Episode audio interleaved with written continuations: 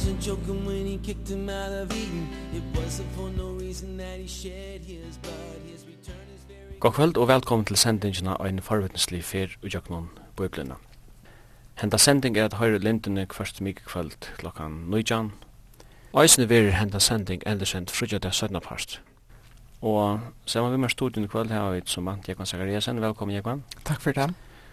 Og Jekon Sone Danielsen er teknikar til åkken. Vi er i dag kommet fram til bautina som vi røpt sorgarsangener. Hette er også var dæbraste bøkene i Bibelene, og minner okken ikkje sørst av grævsanger. Bautin er stått, best fem kapitlar, og hon skriver av Jeremias og i som kunnot var profeter bægi undan og etter øying Jerusalem og herløyingene til Babel. Påskabren er sorg i fall Jerusalems, og ta særlig til i volde fall Jerusalems. Årsøkjen til fall Jerusalems var ikkje herar Babels kongs, men synd folksins som førde til øying. Synd som er avlutning med det gode fører alltid til løying og sorg. Vi sutja i hese bøk tan gradande profeten Jeremias. Te er nesten ikkje la skilja hjertet hans her kundi huisa så nekvar løying. Bøkjen hever nekvar lærokn. Hon minner okkun middel anna er at jo større åpenbering og nøye god til vust enn jo større ábyrd hever a slukt falk. Hetta er orsøkje til at søvan tja jødiska falkinan innihelder meira av løying enn tja negrar ærar tjau. Erst du våren upplustur og hefur finnst kunnskap om god, så hefur du eisen enn nekst større ábyrd i for god. Det er negrar sorgarsanger i Bibelen. Middel anna sang David sorgarsong i Saul og Jonathan – men sorgarsangene tja Jeremias er nek holdt fyrir seg. Han hei avværa fölkje, men til lurt av ikkje etter. Nu i øyingen kom, kunde Jeremias ha sagt, I hei avværa tikkun, nu fingi tid a sutja hver jeg hei rætt. Men hetta var ikkje hokborun tja Jeremias. Han elska i sitt folk, og han elska i bojen, og han lai saman vittheimun, vi hadde vrega profeten og båskap hansara. Her minner Jeremias okkon av han som er større enn profetaner. Jesus græt eisne i bojen. Han græt om synd, lukasæle og vantkomleika, og han græt om talagne og i bojen hun skulle være fire og i framtøyen.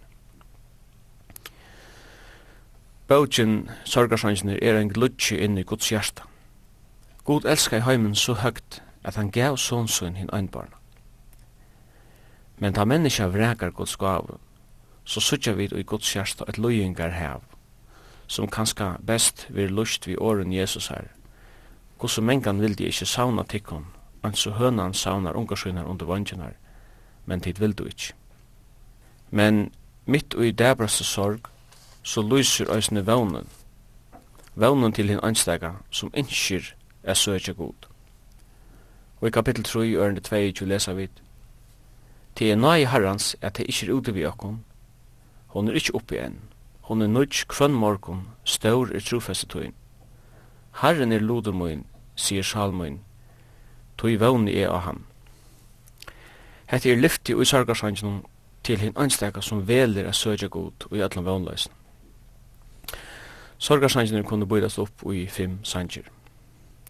Kapittel 8 hever bøyren sammetter vi ena gradandi ønske som syrger i sin ønsem. Kapitel 2 Bøyren verer sammetter vi ena ønslige kvinne som syrger i løvdenon av ena nyrappan bøy. Kapitel 3 Tan gradande profeteren vi sundur såra av en hjärsta gjer seg til øyt vi bøyen. Kapitel 4 Bøyren ver sammetter vi en prøyeslot som hever mist sitt prøye og sin vekorleika. Kapitel 5 Bøyren vil sammetter vi kuajar træler som råp om nei. Bøtjen varspar ljós av fløyri av eikjennan gods og eginløygan hansar. Vi sutja skapar hans heilaløyga, vi sutja hansar rattvise, og vi sutja hansar nei. Jeg var hette ikke akkurat den bøk som fær okkon, man kan si, jeg sinja halleluja. Nei, men det er lukka at en, en sånn bøk kan få okna sinja halleluja, tog at det som Jeremias viser spøysene er at mitt og i øtne roleikene, mitt i alle sorgene, er eisen vogn og nøye for framman. Og jeg tykker at løyve hele tiden innebærer ikke bare et ljøspunkt. Løyve til hver en menneske innebærer eisen til myrske løtene, og det er sorgarsangren et så medelig godt døme på. Og som du sier, så er så uttrykker Jeremias er sinne sorg iver Jerusalem som nå er lagt i øye. Men ui hir sorgene så hever han eisen av vogn om at god for ein der endre reise, henda byen, etter folk, tog at, som han sier og, og som han råpar, og i 3 kapittel vers 22, at god tog nai hon er nødt kvann morgon, og tog erst trofastur og han tog at han kjenner søvliga hvor god er, og han hikker atra søvn, at god hever trofastur eh, mot som lyften som han gav Abraham, Men rent uh, godfrøyslige så viser Jeremias okkon hvordan vreie gods og nøye gods er blanda saman. Vreie gods og heilalegi gods, den fullkomne heilalegi gods, han dømer ønskap.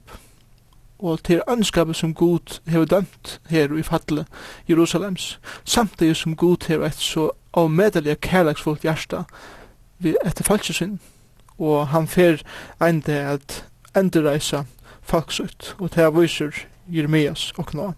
Da jeg ikke etter eh, sorgarsonsen, så bygde jeg nesten oppe i fem parster, eh, kvann kapittel fyrir seg, han har jo fem kapitler, og jeg pleier å kalla første kapittel bare sorg Jeremias her iver Jerusalem, og han sier til dem i tre verset, og i utleggt i judafæren, etter trångt og stora møye, det bor mellom heitningarna, jeg vil anga kvile funnet, og alle æsøkna menn tess hava finnst til atur eh, og trongu støvun.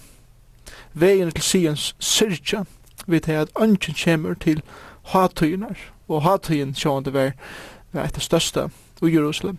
Öll porsten her er øyen, prestan er soffa, motsjanar er sorgabundna her og sjålt hever til bæska sorg. Andra kapittel omtalar vreiegods, hvordan stor vreiegods er i vesint, Og han sier i fyrsta vers 4 kapittel, som Herren og i vreiesen hever lagt mest skudj iver døtter Sions. Og grunden som han får vise seg i 8 kapittel er sind Jerusalems. Men 3 kapittel er um, jeg kallar for vogn og vognløys. Og til her er versene som vi har sier på til Laren, 22. vers. At det er nøye herrans, at det er ikke ut for jokken og han rutsi opp igjen, trusjunda vers, han er nudj kvann av morgun, stor er trufast tøyn, så han ser ljós i mysknen, han ser vogn i vognløysnen. Fjord kapittel viser han eh, hver etterfylgjer koma av sint, og det er rævligar, som vi, som vi sutja. Og femte kapittel er ein bøn, han enda faktisk en bøn, hver han gjøttar sinna sint, gjøttar sind Jerusalems og råpa til god, og nøye. Så hatt er stått som en suttje eh, sorgarsøngen. Men et annet som er avhåverst vi sorgarsøngen, det er nemlig at det er som du nevnte jeg, at det er en ja, det er en, en grev sanker. Altså, sorgarsøngen er lyser en grevarfer som er iver byen Jerusalem.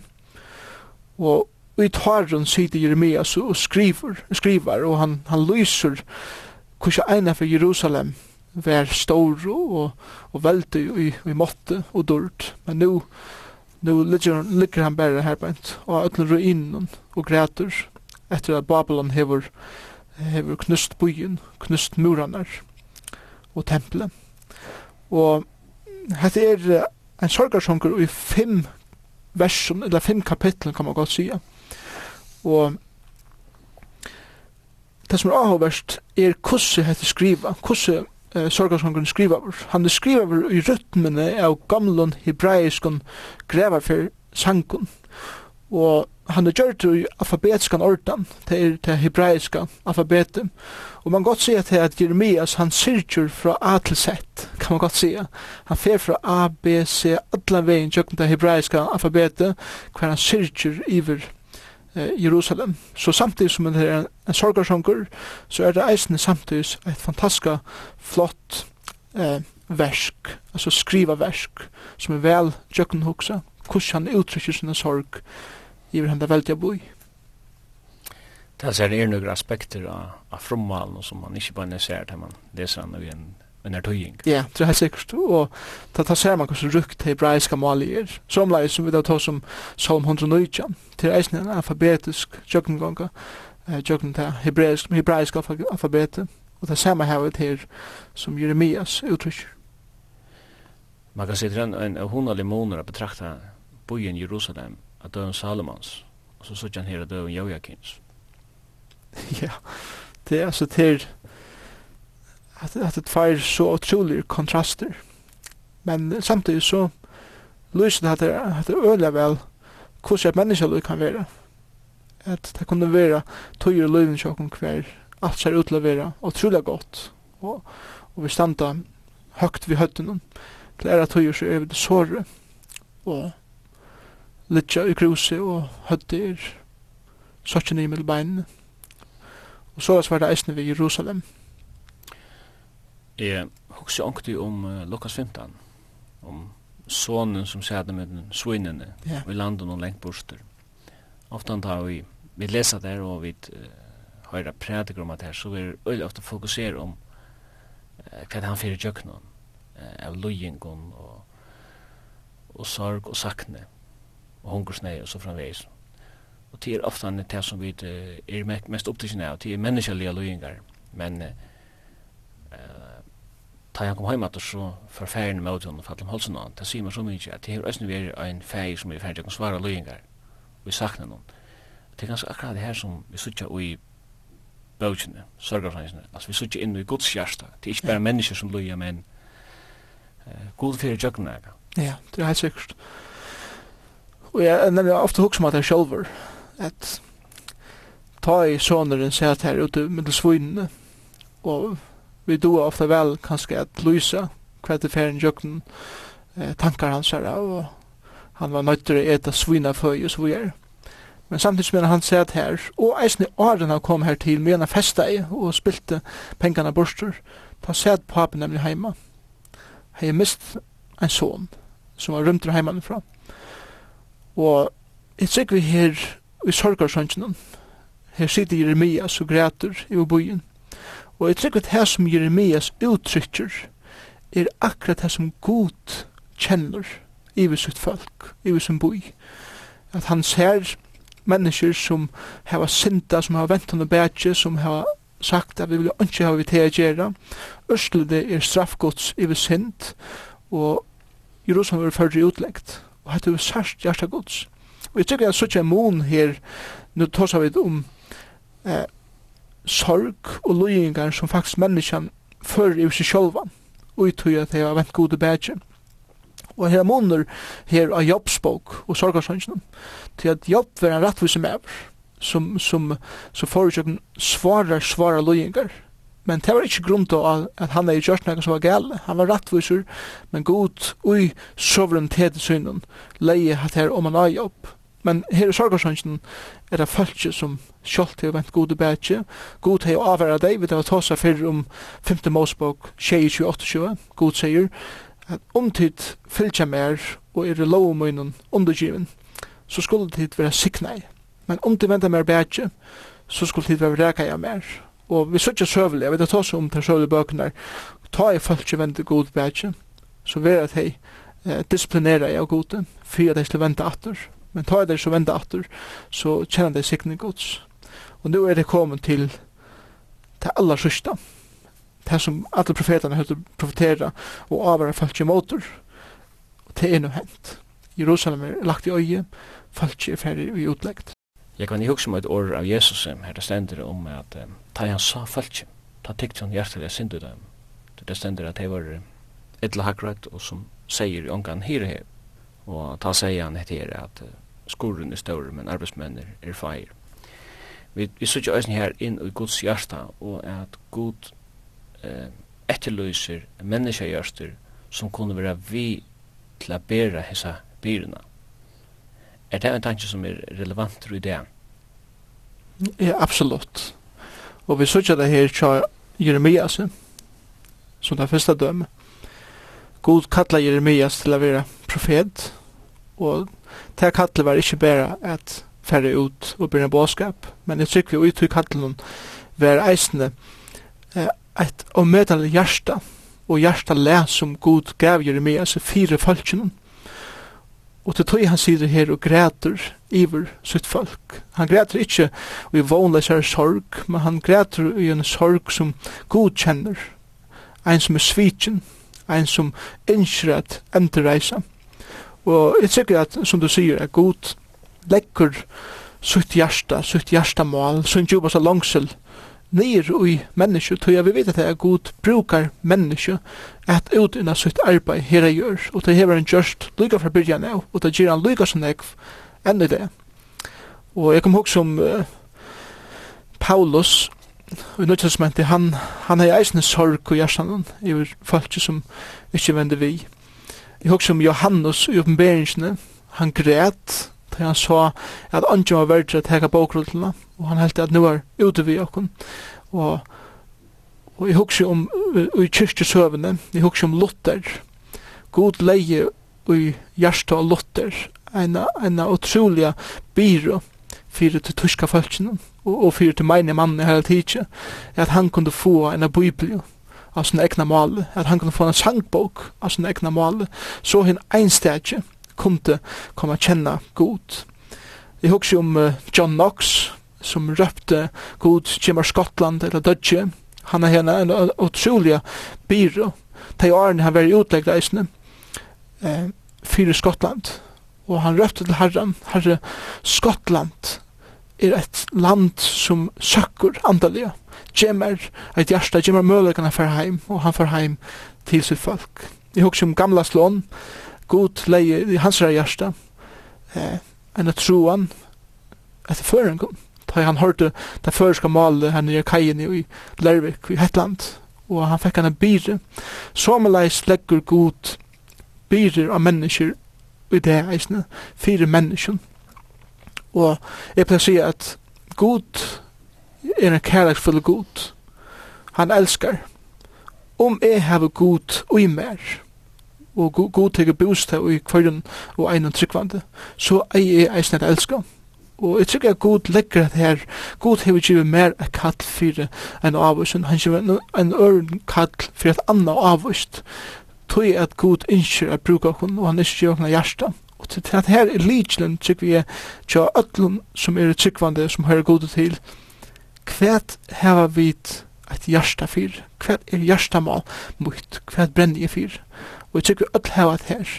Og måtte vit funne det. til er god til lagt og jokk. Så somlei som han leie og i hjarta Jeremias er en av medelen kærleika til sitt folk.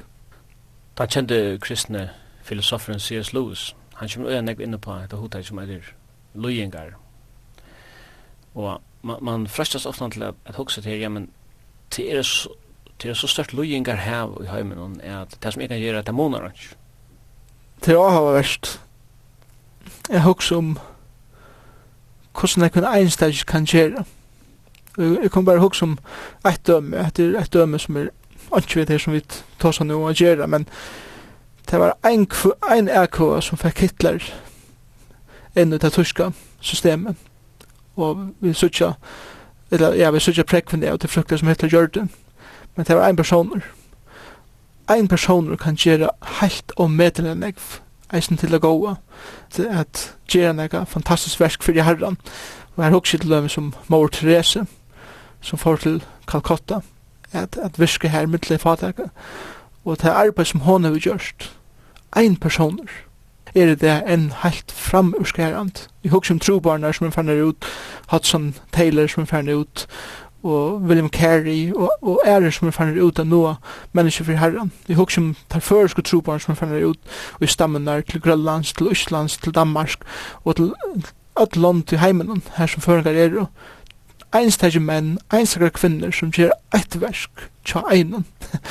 og det har en avmetelig avverskan og utrolig elendighet og sorg som er rundt i heimen i det. Det hjelper vi medisine, det hjelper vi utbyggving, det hjelper vi så møtelig den ekvun, til at ein, ein personer var Guds kattel løyen.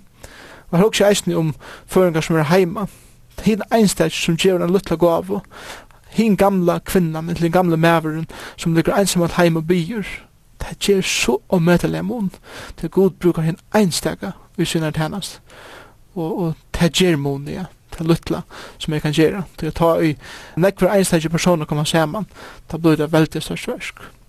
Være trygg ved det små, så skal god bruke til ut til storreisen. Du nevnte Hudson Taylor, han fikk jo en nej for fjölden av kinesaren som ikke ja. kjente Jesus. Og ja.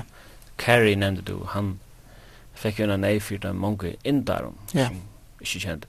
Man kan kanskje si at det er ikke mennesker, eller det er ikke mennesker som kan bæra byrene av öll heimen. Ensamalt, nei. Det, det er fullkomlig og møvligt. Det er bare ein som har fyrir fyrir gjerra det. og det var Jesus Kristus, da han for sjolver, ensamallar, oppa treie, og lesa nekle her til krossen, men ikke menneska kan bæra til byranar som han bær. Jeg leser ena for om en lakna som er av til arbeids i Hiroshima, ta morgen i atombomban fall. Og um, han kommer inn, inn med bøynen, bare at han er at bomba med brøsten, og nek folk var deg, og det var en øylig elendighet. Og hans reaksjon var at det er, det er ikke jeg kan gjøre her, tog jeg er, så heter det løyengar her, hver skal det byrja? Og så kom hans tanke til han, byrja her som du stender. Ja. Og her er ganske nega til han anstak i det. Helt sikkert, at han minner meg etter å Apostelsson 1.8, Da Jesus sier til hisla vittmunne, Da her andre kommer til å få kraft, og til vittmunne i Jerusalem, Det er her som det var, og Det som Jesus sier simpelthen her, byrja akkurat her som du erst. Og for okkon vi er til i messen i bare en bate, eller vi er til flaggaversjonen eller vi er til kafeterene, en arbeidsplass eller kontoren, eller skolan, eller heima, hver det så er, her som du erst, her byrja du. I'd rather at Jesus than silver or gold. I'd rather be his than have riches untold. I'd rather have Jesus than houses or land. I'd rather be led by his nail pierced hand than to be the king of a vast domain and be held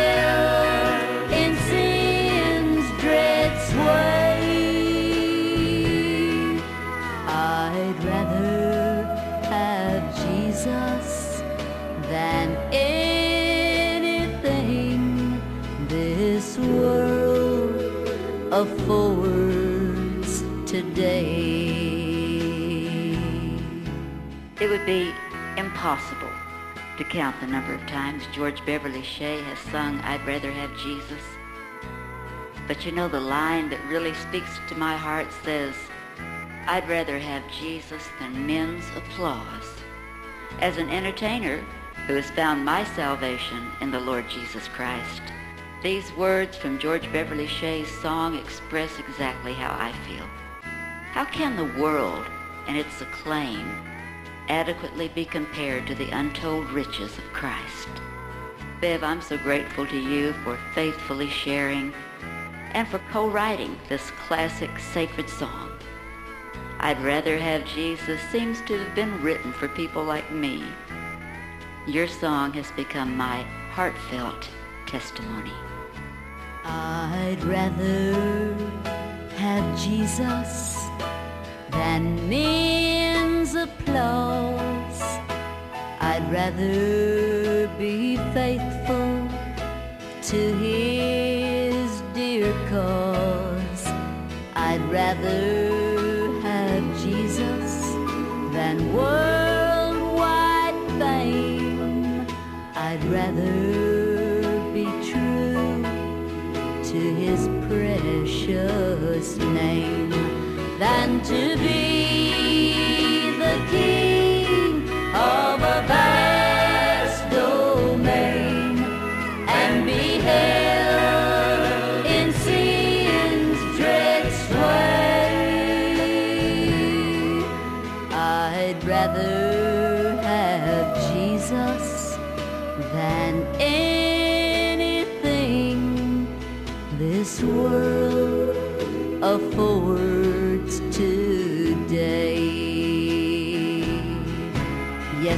I'd rather have you Jesus than anything this world affords today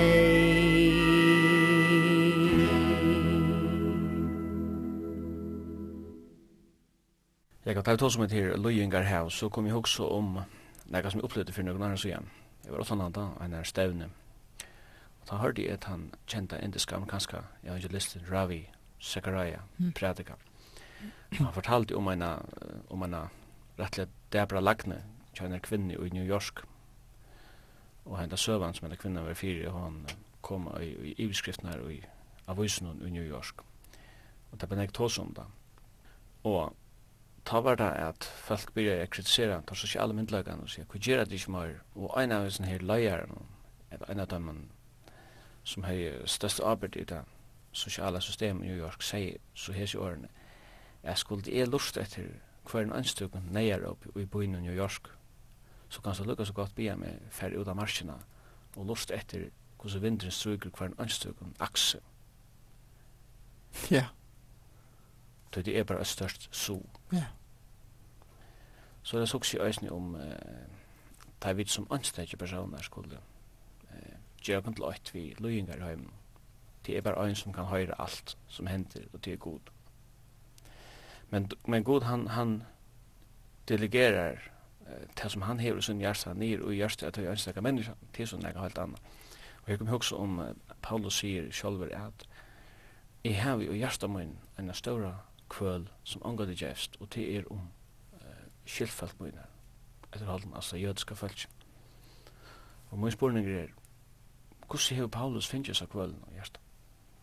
Jeg tror han fikk henne samme hatt som Jeremias.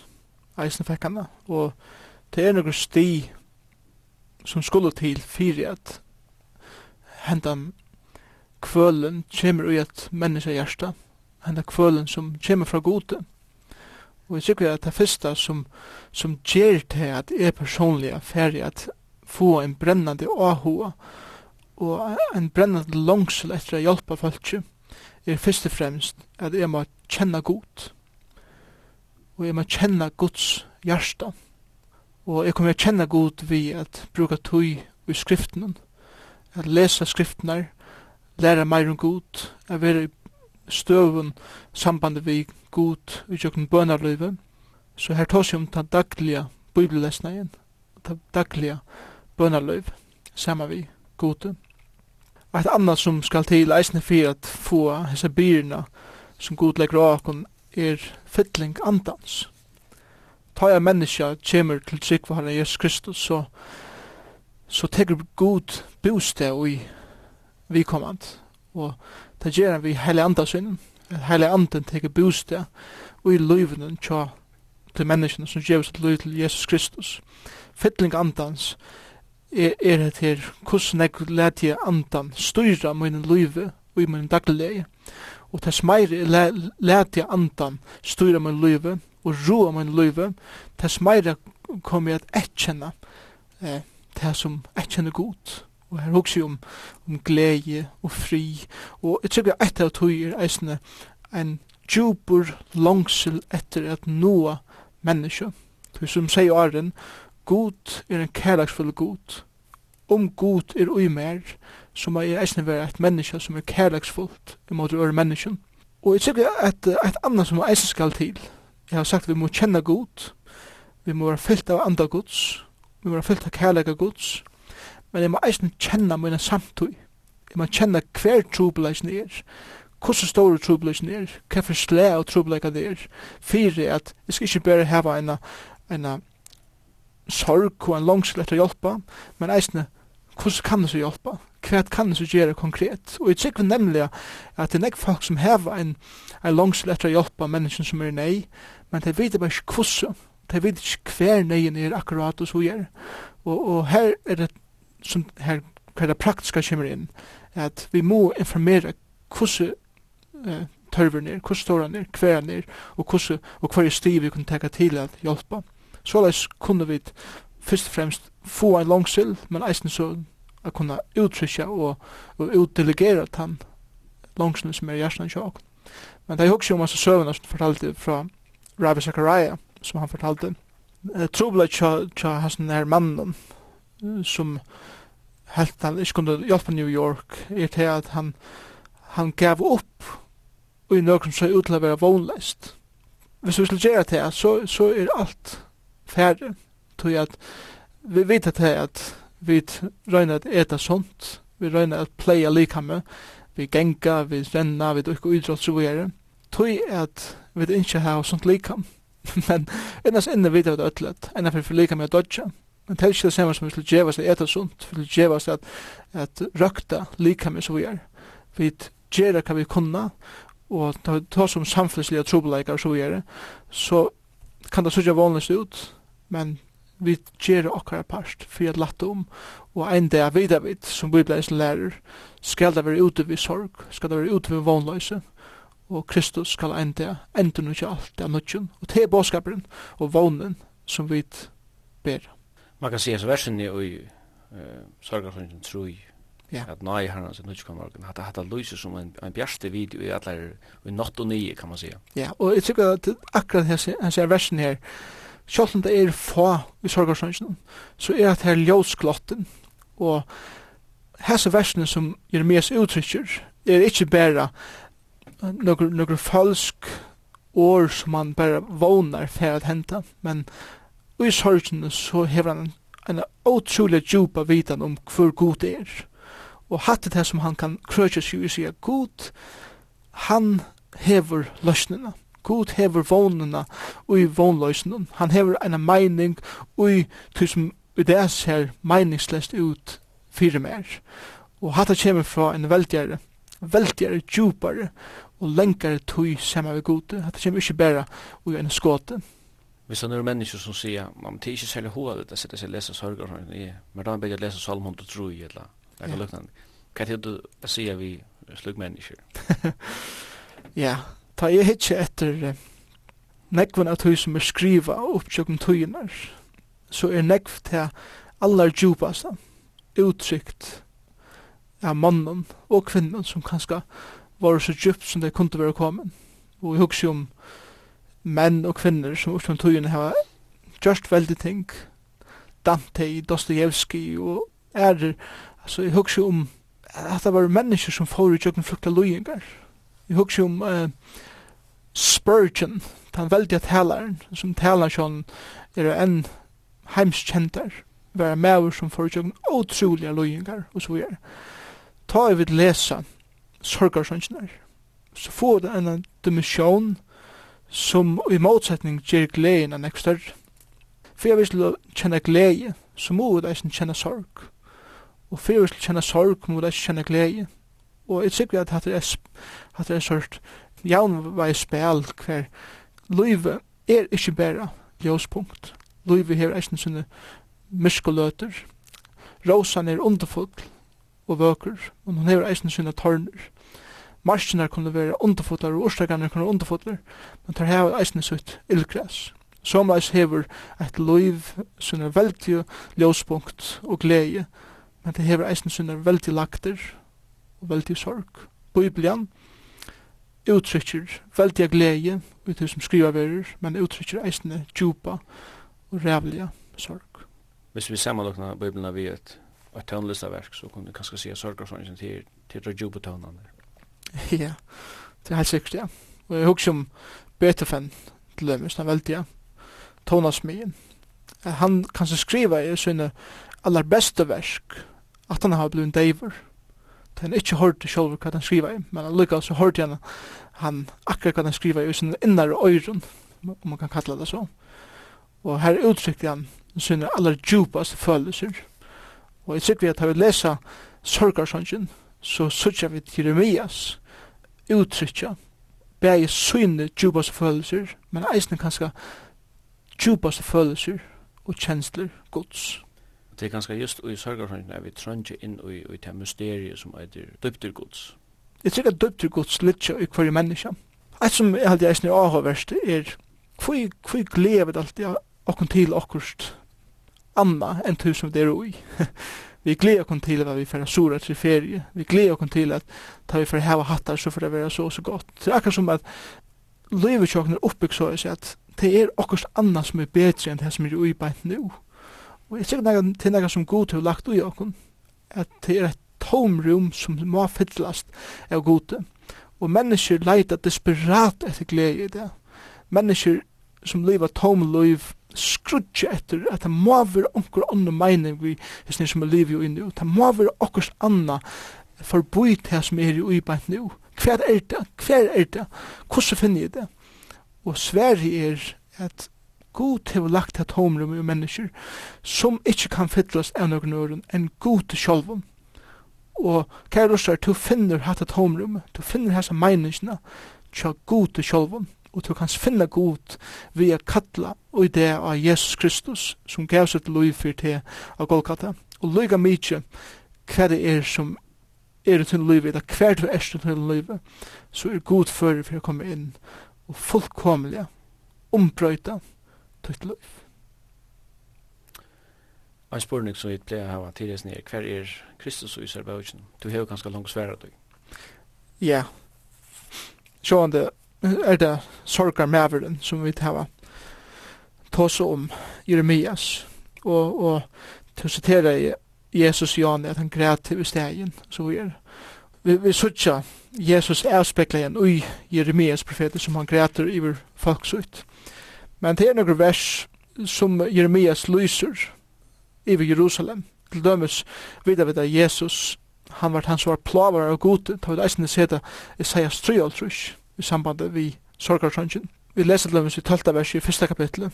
Jeg Gonger hetta tykkun ikkje at hjärsta öll tid genga fram vi venum, hitje og vittne, om slik plava finst, som plavan i mer er vold, hon i herren hever voldt mer sorg vi, tan dagen hans herre, brente. Det er myndi av Jesus at han hekka krossen og Jesus råpte god mun, god mun, hvor er færen fra meg? at god sjolver vente Jesus bedje tog at han tok sina heimsins sind og myna sind og passa sjolvan.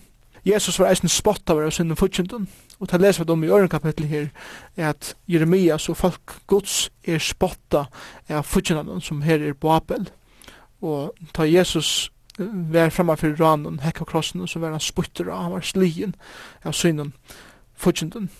Folk, hans egne folk, flenti etter ham, og vi leser eisen her, at, og i 3 kapittel, vers 14, at folk flender etter Jeremia, så er det våren ødelen folkemunnen til later, eh, og så videre. Og så, men, men det aller største i sånn her, og det som ødelen bogen lyser, er til at Kristus er sorgarmæveren, som kjenner til sorg og kjenner til pyna. Men det underfotla uisner er til at til pyner okkara og han bær, til sorg okkara og han bær. Han var sarte for misger mynar, han var såra for, for det som er hei gjørst, så om medlemskrift. Jeg hei oppe borre, jeg borre sorgene og pynene, men Jesus Kristus tok han av seg sjølvan. leis i sorgarsønsjonen, god for å teka sorg folksins, pyne folksins og passe sjolvan, og ta demonstrera igjen, ta han sende sånn som Jesus Kristus, at dodja for uskjøsmenn, og at dodja for hetningar, for einuk og kvann person som er født inn i henda heim. Det er så omedelig størst, ta vi tås om sorg og pyne, Jeg hei oppebord til sorgene og til pynene, men Kristus tok han oss sjåvan, fyrir at jeg kunne få gleden og vonna som han eisne bjóvar.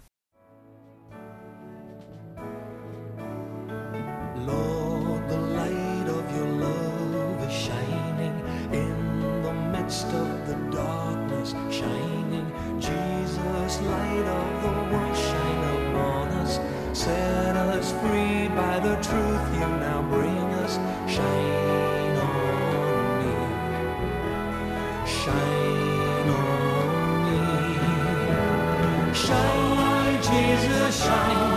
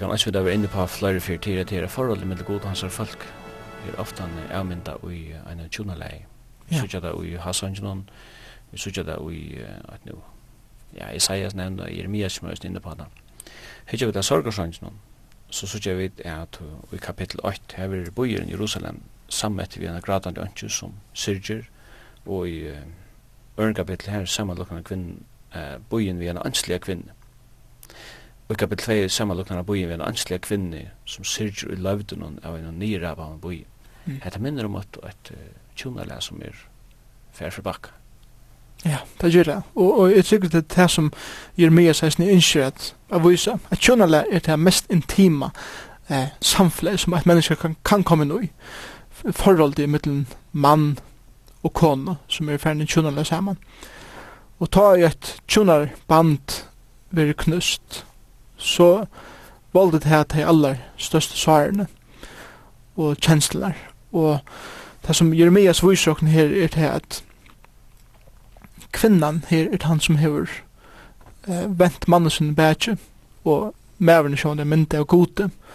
At, og vi leser sjående som du nevnte at Israel forholdet til samfunnet i middelen Israel og god er et tjonale. Og vi sier det eisen i Hoseas, profeten, Og her er det Israel som hever svitje god, kvinnan hever svitje mannsyn, og hon hever just er vi mannsyn, nesten i fyrsta kapitlet av Entja, som, som græter hon har mist mannsyn, hon er enslig kvinna i øren kapitlet, som hestar fruktene av til rævlig som hon hever gjørst.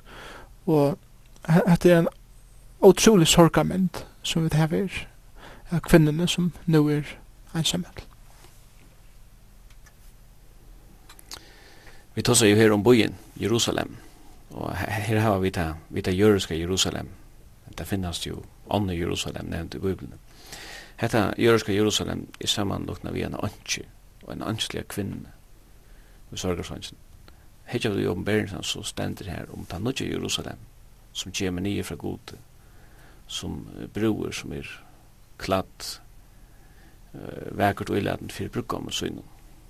Här är monorajegon. Ja, det er en fantastisk kontrast. Og dette viser eh, for det aller første er god er sottmalasøynen tryggvar og Jerusalem skal være endreist men jeg husker særlig om det himmelske Jerusalem det nødja Jerusalem som kommer nyer skrutt som en, som en bror, som er kjørt klar til å møte brukom brukum søgnen, som er god sjálfur og hetta tosar um eitt samfella som nu vera opprata og et samfella som skal vera vi og i allar ever et samfella som omgang skal vera bråt i atur her i gamla som hente var det men det vera en tog hver samfella omgang og i allar ever vera bråt i atur Jerusalem, det betyr, eller Jerusalem, stäver friarens. Ja. Yeah. Det ikke inte frier förbunden vi Jerusalem og i sørgasangen? Nei, og, og kanskje rent søvelig eisen er ikke noe frier. Men og her er vi kommet til vånen at dette vil være en dæver, en frier dæver. Og at det er, man kan eisen tega det i samband med Jesus Kristus, at Jesus støye ui frier stenen, fyrir at gjeva menneskjen fri. Og her, her er navnet Jerusalem, hun er ikke å si at Jag går i kapitel 4 så har vi Jerusalem sammanlagt vi prøyesloten, som eh, ikke prøyer av i kapitel 5 ja. ta er det træleren eller trælener som er kuair og råp om nei. Til øyne måneder er vi en lukkelig gift kvinna og så er vi en træler. Træleren her er, er en øyne stersk mynd eisne og, og tar man, tar man ta seg om træler og i, i gamle testamentet særlig i assyriskun og i babylonskun samanhenge, så var det er folk som var misbrukt, de var forfyllt, de var tunt. Assyrar, de var de tog et i utleggt, de krøkte der vi hukun, strassa der atna hesten, de skåre huen av dem, løtte der ut solen av brenna. Babylonerne var ikke så barbariske, men de førte trælner i utleggt, og tar gjørtes tænare, tar, tar gjørtes arbeidere, og så videre. Og trælner var ein som var teaching fra sinne kæreste, fra sinne heimlande, kort et annet sted. Trælner i nødvendig er, er mynd av ein som er bunden er sint, av trælda med sindarinn og ein som, ein som har vent gode og bætja, ein som ikke er kommet i samfunnet ved god, er trælur satans, han er trælur syndarinnar og det uttrykket er så omedelig djupt. Til at det, det viser ikke bare til at en trælbunden i hessen løyven, trælbunden er at at ringkom vænnen, trælbunden er sorg og så videre, men, men, men det er en evig, en evig tilstand, en træler og bunden er sendt. Han er etskyldig fra gode, og evig etskyldig fra gode om han ikke vil setter fralser som træler. Og til den gode bådskapen som vi ber det at, og som eh, Jeremia 16 sa i, i sorgarsønsjonen, at det er vogn for sjelen, tog at han kan være setter i frals. Og Kristus vært han som kom og se dere i fralse, og vi kunne gjeres frals av sonnen. Kun tørver ikke å være trealer, tog at skulden for å kunne kjeipa trealen leisan er langt og gold. Som nevnte jeg byrja vi, så er det ikke tala om nekra lenga bøk kunne øynast fem kapitlar. Ja. Og vi der kom fram til um, endan av hans sendingen. Jeg kunne også mer spørst til søgna seg hva hei du er enn ega særlig tankar fra sørga som du hever leggja seg til sørst. Ja, jeg hoksa mer at Luka nevnt hese ørene som vi da atter og atter skipa til og i tre kapittel ta og i Jeremias råpar at det er nai herrans at det ikke er ute vi okken. Hon er ikke oppi igjen. Nei, det er nudj kvann morgon Og så råpar han akkur som vi veldig er tilbyen til god til. Stor er til trofeste, god. Og hatt er båskaper som vi bærer i det. Og hatt er den båskaper som vi ikke bærer ut til lortarnar som lortar. Er at nai herrans, hon røkker eisen til tøyn i det. Trofeste gods, hon røkker eisen til tøyn i det. Og det kan være at det er lortar som sita i veldig er sorg, som sita ekvelia lokt, lika mykje hva det kan være som kom inn i luive så er nai herrans her. Og jeg husker om Paulus i Øren Krimpra og Talta kapitlet, ta i han er bi god om at teka tørna fra seg som er holdt i hans herre. Da sier god vi han, nai mun ut her no mykjel, til kraft mun vil fullkommen i veikleik, sier han så sier Paulus, til Rosemer eh, helst er veiklega munnen, fyrir kraft Kristus skal kvila av mer. Og så sier han til, og tog hev jeg gott mot og i veiklega, og i ringar vi vifer, og i nei, og i ætsøk, og i endjes fyrir Kristus skuld, og så er det her selja, til ta i er veikur, ta er i sterskur. Og jeg tykker vi at er ofta kanskje mennesker der som kjenner seg veik, som kjenner seg nye i bråten, kanskje ta kun det særlige vera styrst, til at tar det ikke tarra styrst det kviloi, men tar det styrst Guds kjemmer inn. Og Kristus sier er, nai moin er terna mykje, ta der sveikur, ta erst du sterskur. Og det er vera en oppmuntring til lortan er at om du kjenner deg nya lia, og til det er bøten Guds, ta kun du råpa etter nai Guds og styrst Guds, og han skal gjere deg stersk, og vi tikkar av veikleika.